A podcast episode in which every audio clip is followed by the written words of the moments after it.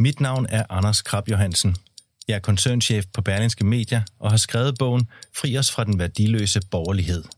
Bogen er et wake-up call til alle os borgerlige, der er godt i gang med at tabe fortællingen om, hvad der udgør et godt samfund. Vi har overladt omsorgen til staten, velstand til vores politikere, familien til institutionerne, dannelsen til tilfældighederne og forsømt at genopfinde og forny de værdier, som taler til menneskets hjerter. Fri os fra den værdiløse borgerlighed er i handlen nu. Berlingske.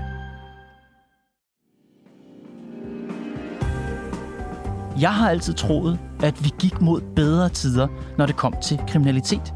At selvom medierne er fyldt med forfærdelige historier om mor, voldtægt, bandekriminalitet, så bliver samfundet som helhed stadig mindre og mindre kriminelt. Men det er ikke rigtigt, kan jeg læse i en ny bog fra Rockwoolfondens forskningsenhed. Danmark er mere kriminelt nu end i 1960'erne, dengang hvor velfærdsstaten tog form.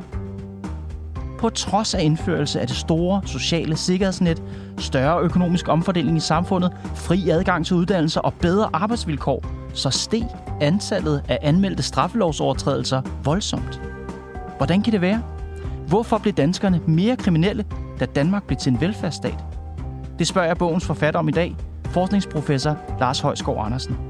Velkommen i Pilestræde.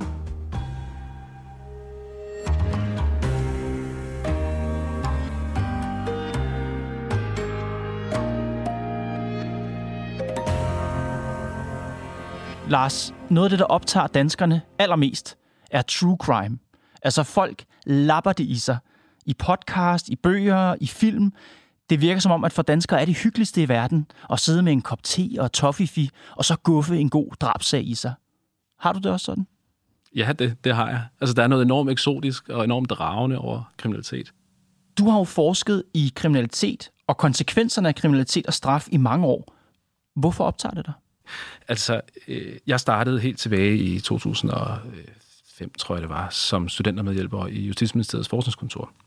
Og, og dengang, der vidste jeg ikke rigtig noget om det her område. Men begyndte jo stille og roligt at sidde der øh, og, og, og, og kigge i tal og kigge i litteraturen, og især følge med i den politiske debat og i mediebilledet, vi havde, kunne se, at der var lidt, der, altså, der, der er nogle misforhold her. Ikke? Der er nogle ting, som, som ikke helt stemmer overens med hinanden. Hvilke så, misforhold? Jamen, jamen, jamen den her, det her misforhold omkring, hvor meget, hvor meget fokus kriminalitet får, især de meget voldsomme typer af kriminalitet, relativt til, hvor meget det så fylder.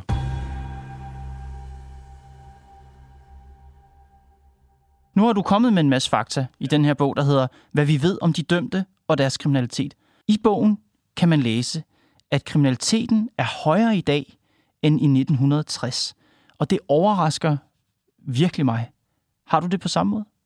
Ja, det har jeg. Altså ud fra, fra her, hvor vi står nu, øh, og hvor vi tænker på, hvor meget det er, altså hvor udbygget vores sociale sikkerhedsnet er, så er det jo i udgangspunktet overraskende, fordi at vi jo godt ved, at kriminalitet mestendels forekommer i de sociale lag, hvor man, hvor man kan være på en eller anden måde sårbar. Mm.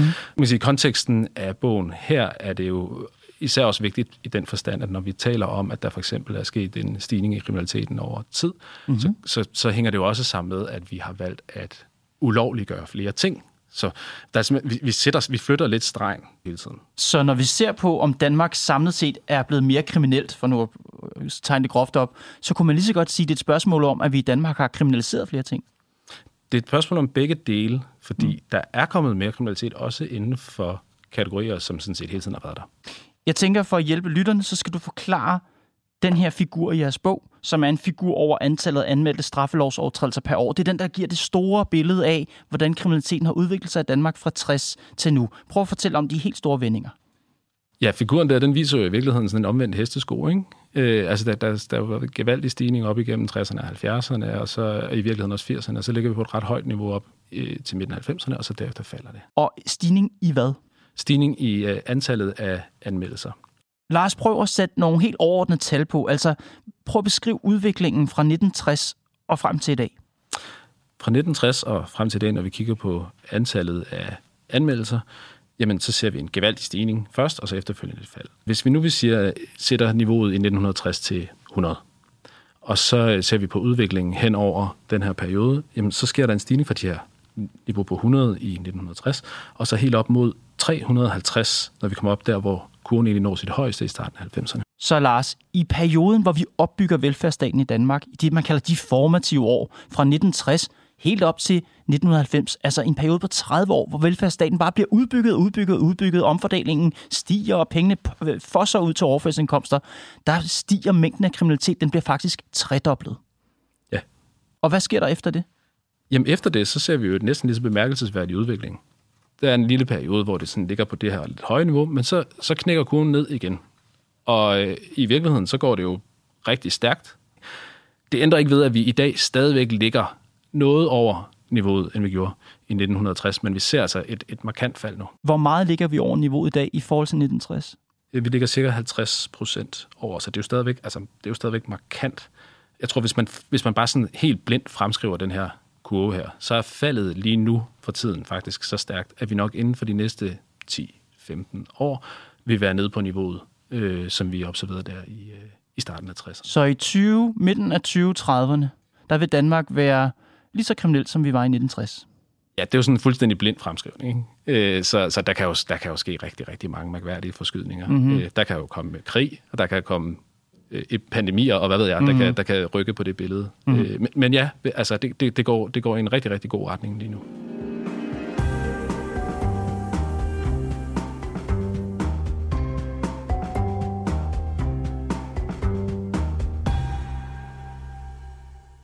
Den her tredobling over 30 år, fra 1960'erne og frem til 90'erne, hvad er årsagerne? Det er vigtigt at starte med at huske på, at vi kigger her på antallet af anmeldte forbrydelser. Vi kigger simpelthen på, hvor meget ryger ind i regnmaskinen. Mm-hmm. Og det, det tal afhænger jo rigtig mange forskellige ting. For eksempel så er det jo sådan, at kriminalitet primært er noget, som unge mænd står for. Så mænd sådan i alderen 17-18 og op til 22-23 år, det er ligesom der, der, der får alvor tryk på. Ja. Og i den periode, vi ser her, der kommer babyboomerne, altså dem, der var født lige efter krigen, det er jo der, hvor de når den alder. Så der kommer nogle årgange, hvor øh, de her meget unge mennesker fylder, jeg tror helt op mod 16 procent af befolkningen. Og hvis de bare har et almindeligt kriminalitetsniveau, så vil det egentlig i sig selv give en stigning i antallet af, af anmeldelser, bare fordi der er flere af dem. Mm-hmm.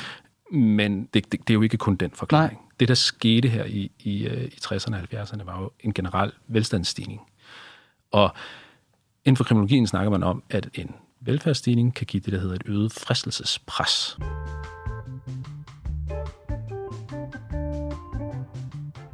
Der er simpelthen flere værdifulde ting, du kan stjæle fra andre. Vi sparkede ruden ind ikke?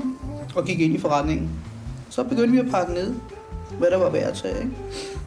Rørmaskiner og, og håndmixer og alt sådan noget. Uger. Der er nogle væggeuger. Det kan også være, at der er ting, du kan forbruge, som du ikke før havde mulighed for, for eksempel altså med stoffer og alkohol osv. Op igennem perioden her kommer der en stigning i, hvor mange øh, varer i bred forstand, der ligesom er til rådighed på hylderne. Det giver en øget fristelse. Der, der sker jo også til, at der bliver, kommer rigtig mange sommerhus. Der er jo ikke rigtig nogen hjemme det meste af tiden. De er ret nemme at bryde ind i, ikke? Så der, der, det her med, at vi ligesom udbygger mængden af, altså vi udbygger antallet af steder, du kan bryde ind, det betyder også enormt meget for, mm-hmm. for kriminalitetsbilledet. Og hvis vi skal generalisere den pointe lidt, så er det jo sådan set også i den her periode, at vi tager alle kvinderne, og så øh, flytter de sig fra øh, hjemmene hvor de har gået hele dagen og passet på alle de her fine ting, som er kommet med velstands, øh, velstandsstigningen. Mm-hmm. Og så er de jo vandret ud på arbejdsmarkedet. Øh, det vil sige, at vi har de her fine parcelhuse stående med en hel masse dyre pH-lamper i, og ingen til at passe på dem. Så det er jo altså, næsten som at åbne døren for den her problematik. Det er rent slikbutik. Det er rent slikbutik.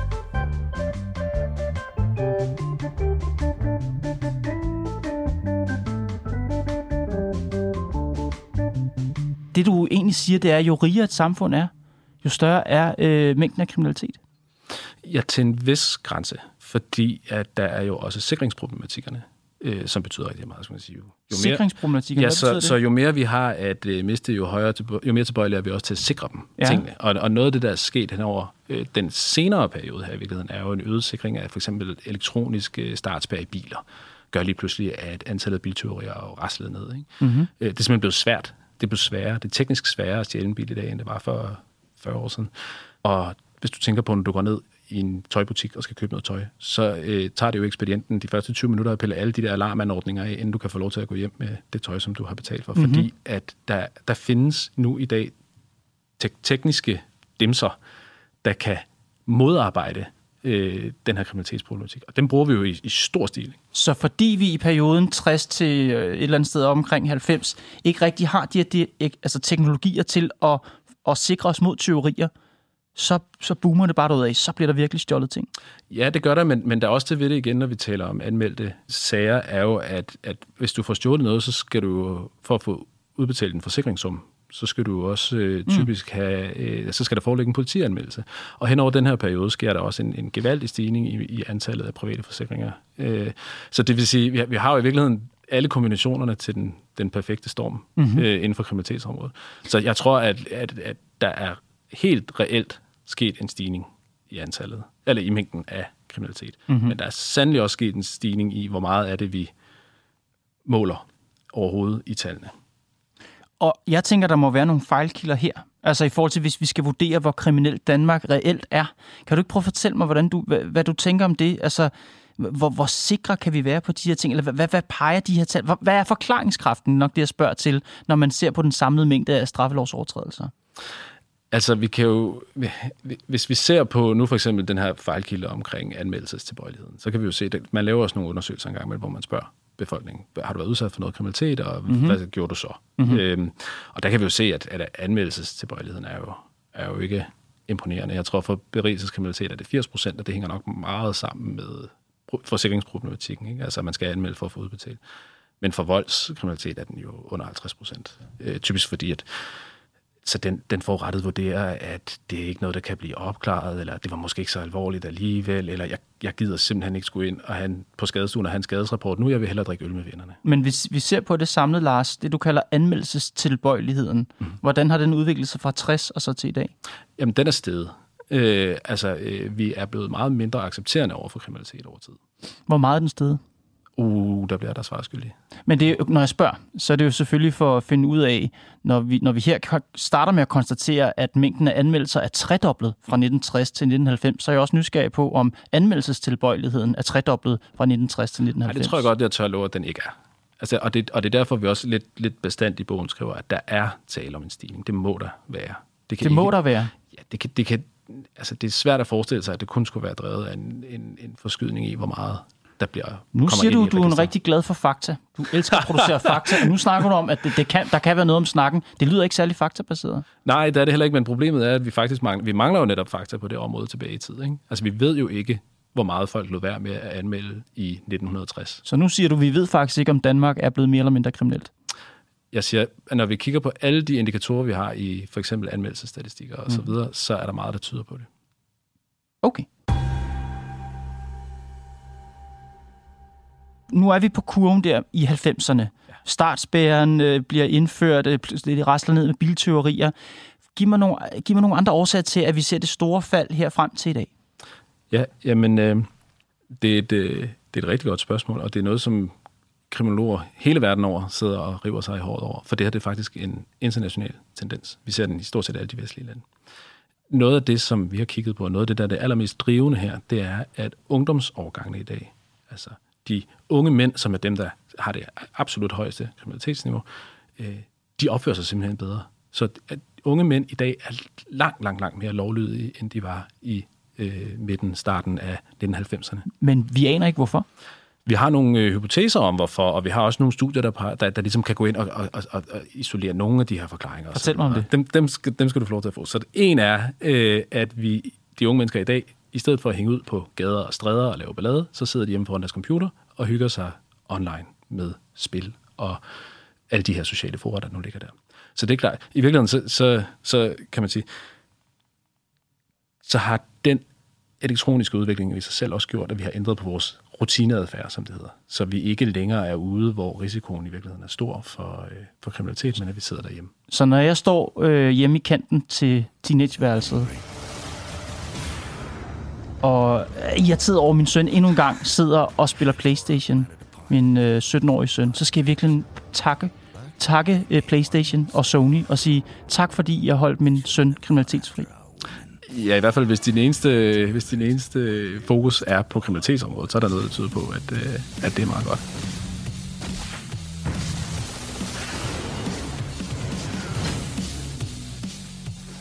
Man taler jo inden for fængselsforskning om inkapacitering. Så det vil sige det her med, når vi... Den, en af de stærkeste effekter af fængsling er jo, at så længe at en forbryder sidder derinde, så kan han ikke lave kriminalitet ud på gader og stræder. Og, og altså, børneværelset har jo i virkeligheden lidt den samme effekt. We're new in town, but we've got a plan. Vi ved, hvor du er, og, og, og hvad du laver. Going into business, my friend. Er der andre store faktorer, du vil nævne? Ja, det er der. Altså, øh, børn i dag har mange flere ressourcer til rådighed, end børn I havde i for eksempel i 80'erne. Så det vil sige... Kan du konkretisere det? Eller Ja, så noget som, som, som butikstyveri er, er, er, er sjældent. Ligesom, altså det, det er mindre oplagt for vores øh, børn og helt unge i dag, fordi øh, du kan spørge mor og far om, om penge, ikke? og de fleste af vores børn har vel i virkeligheden øh, deres eget dankort, så de egentlig har snablen direkte ind i forældrenes økonomi og kan bruge den. Ikke? Hmm. Lars, vi skal forstå, hvorfor antallet af anmeldelser begyndte at falde fra 90'erne. Du har nævnt startspæren, lommepenge og elektronisk underholdning af børn. Har du andre store faktorer? Nu er det måske sat en lille smule groft op, Ja. de tre faktorer, du nævner her, men det, men det er så, så fred være med det. Nævn nogle flere ting. Øh, flere ting, der kan vi sige, jamen der er færre børn i dag, der vokser op i familier, hvor man øh, har begrænset uddannelsesniveau. Øh, og det her med øh, altså forældrenes uddannelsesniveau, altså, det vil jo helt bredt i virkeligheden betegnet som socioøkonomisk baggrundsfaktor, mm-hmm. Øh, betyder også rigtig meget for risikoen for, at man ryger ud i, øh, i kriminalitet.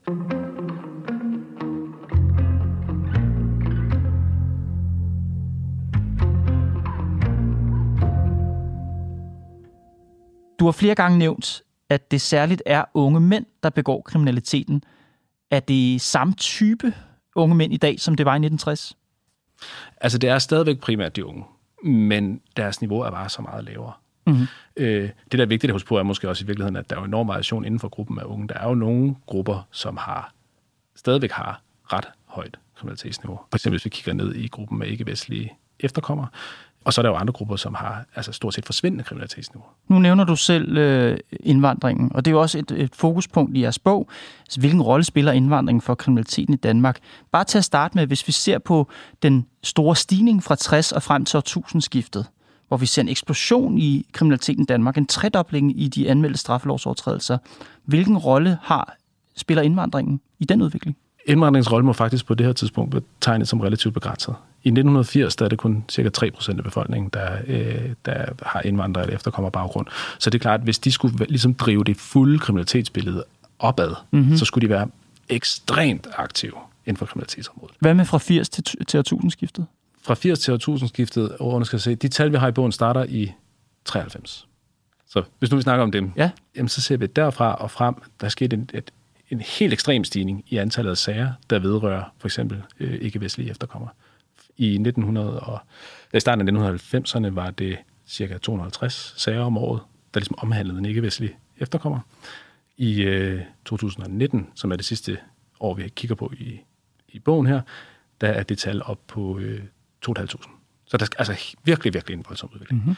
Men det, der er rigtig vigtigt at huske, det er jo, at gruppe, altså gruppen som størrelse er også vokset gevaldigt hen over den periode.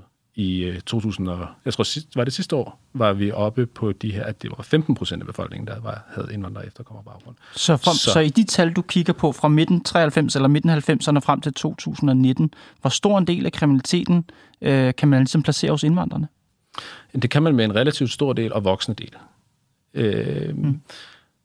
Men hvad som, hvis- som jo hænger sammen med, at gruppen også er blevet større. Hvis vi kigger på den enkelte, altså hvis vi kigger på procentdelen, der får en dom blandt 18-20-årige efterkommere, så er den procentdel jo tordnet ned mm-hmm. over den samme periode. Så i starten af 90'erne lå den på 13 procent, og i 2019 lå den på 4,5. Ikke? Nu, nu sagde jeg indvandringen sådan helt generelt. Hvis vi fokuserer lidt og kigger på indvandringen fra MENAP-landene specifikt, ja. altså MENAP-landene er de overvejende muslimske lande i Mellemøsten og Nordafrika, samt Pakistan og Tyrkiet. Mm. Hvor stor en del tegner den gruppe sig for i forhold til kriminalitet i Danmark? Den gruppe har meget høje kriminalitetstal. Øh, altså meget høje øh, niveauer af, øh, af domme. Hvor høj?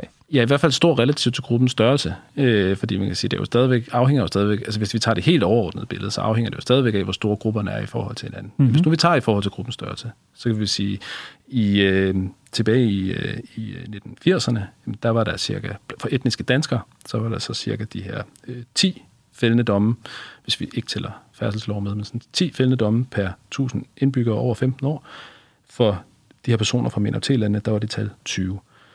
Så sker der en, øh, en bemærkelsesværdig udvikling derfra og frem. Så i, i øh, op omkring 90'erne, der hvor vi snakkede med os, at kriminalitetstrykket egentlig er det højeste, mm-hmm. vi har, øh, har oplevet, jamen der ligger øh, de etniske danskere stadigvæk under 20, ned på sådan 15 stykker per 1000, hvor, øh, hvor de her fra minoritetslande, jamen, så er vi altså op på den anden side 60. Hold da op. Det er virkelig en stigning, der noget. Ikke? Øh, Og det vidner jo om, om nogle af de her integrationsproblemer, som vi har talt rigtig, rigtig meget om. Så de er bare groft sagt fire gange mere kriminelle end de etniske danskere? Ja, hvis man ikke korrigerer for alder, så er vi oppe i det niveau. Men man skal holde tungen lige i munden, når man sammenligner. Fordi at der er meget stærk sammenhæng mellem for eksempel alder og kriminalitet. Der er meget stærk sammenhæng mellem socioøkonomiske indikatorer og kriminalitet. Og hvis man ikke er- holder helt tungen lige i munden, om hvem er det, jeg sammenligner hvornår, så kan man få nogle tal, som i virkeligheden er fuldstændig forvrænget. Så hvis du skal lave sammenligningen Ja. og ligesom frasortere alle de fejlkilder, hvordan ser det så ud? Jamen, det er sådan noget, hvis nu vi starter med at tage en sammenligning, hvor vi kun sammenligner jævnaldrende, bare for at, øh, mm. at komme til at forstå, hvad det andet tal fortæller os, jamen, så er efterkommere fra ikke-vestlige, altså med ikke-vestlig baggrund, men så har de en, en domsrate, der er cirka 3,5 gange højere end etniske danskere. Det er jo et højt tal.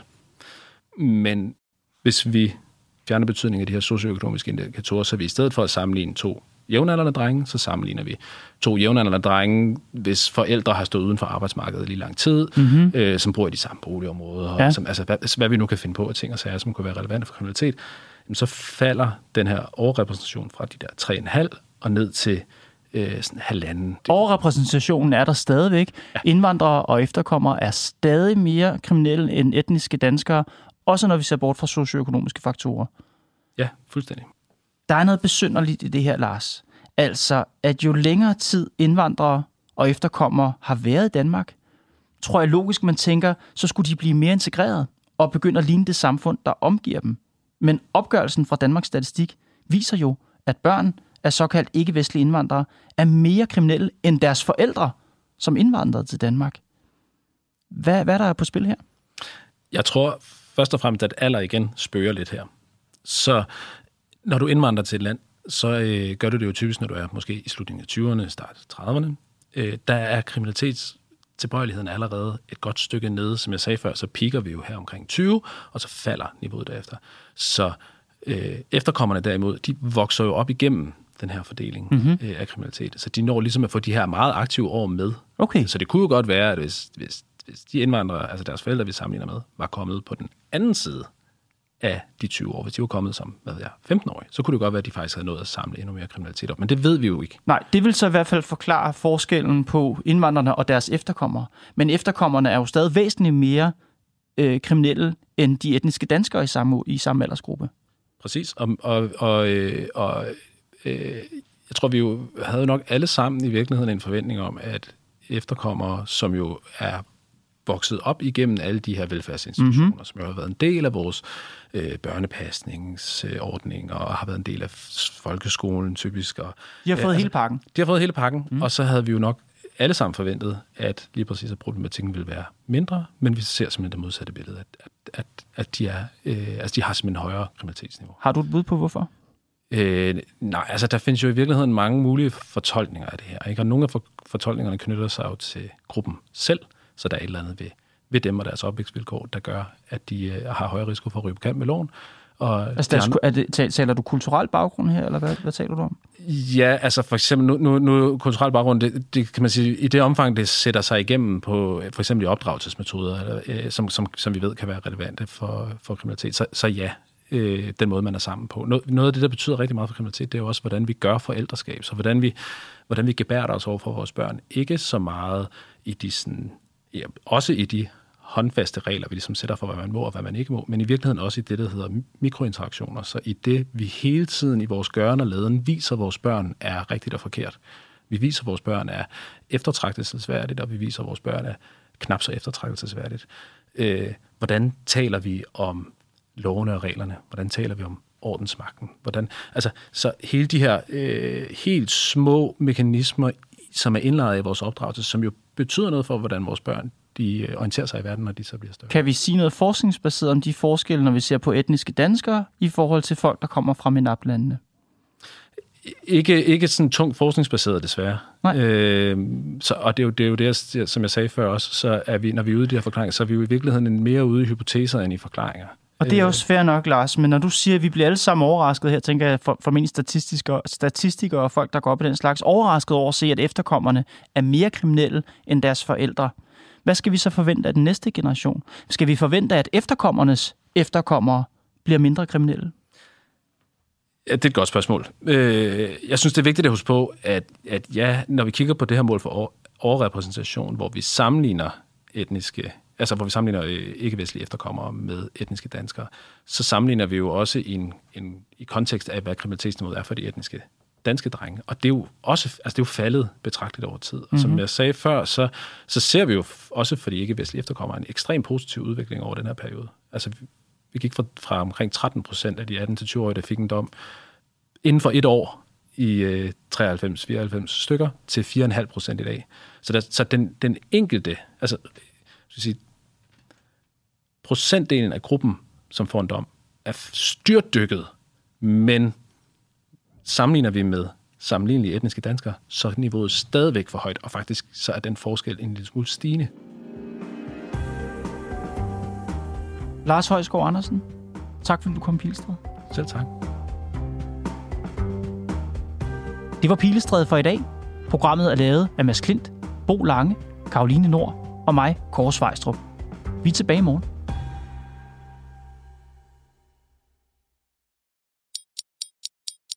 Mit navn er Anders Krab Johansen. Jeg er koncernchef på Berlingske Media og har skrevet bogen Fri os fra den værdiløse borgerlighed. Bogen er et wake-up call til alle os borgerlige, der er godt i gang med at tabe fortællingen om, hvad der udgør et godt samfund. Vi har overladt omsorgen til staten, velstand til vores politikere, familien til institutionerne, dannelsen til tilfældighederne og forsømt at genopfinde og forny de værdier, som taler til menneskets hjerter. Fri os fra den værdiløse borgerlighed er i handlen nu.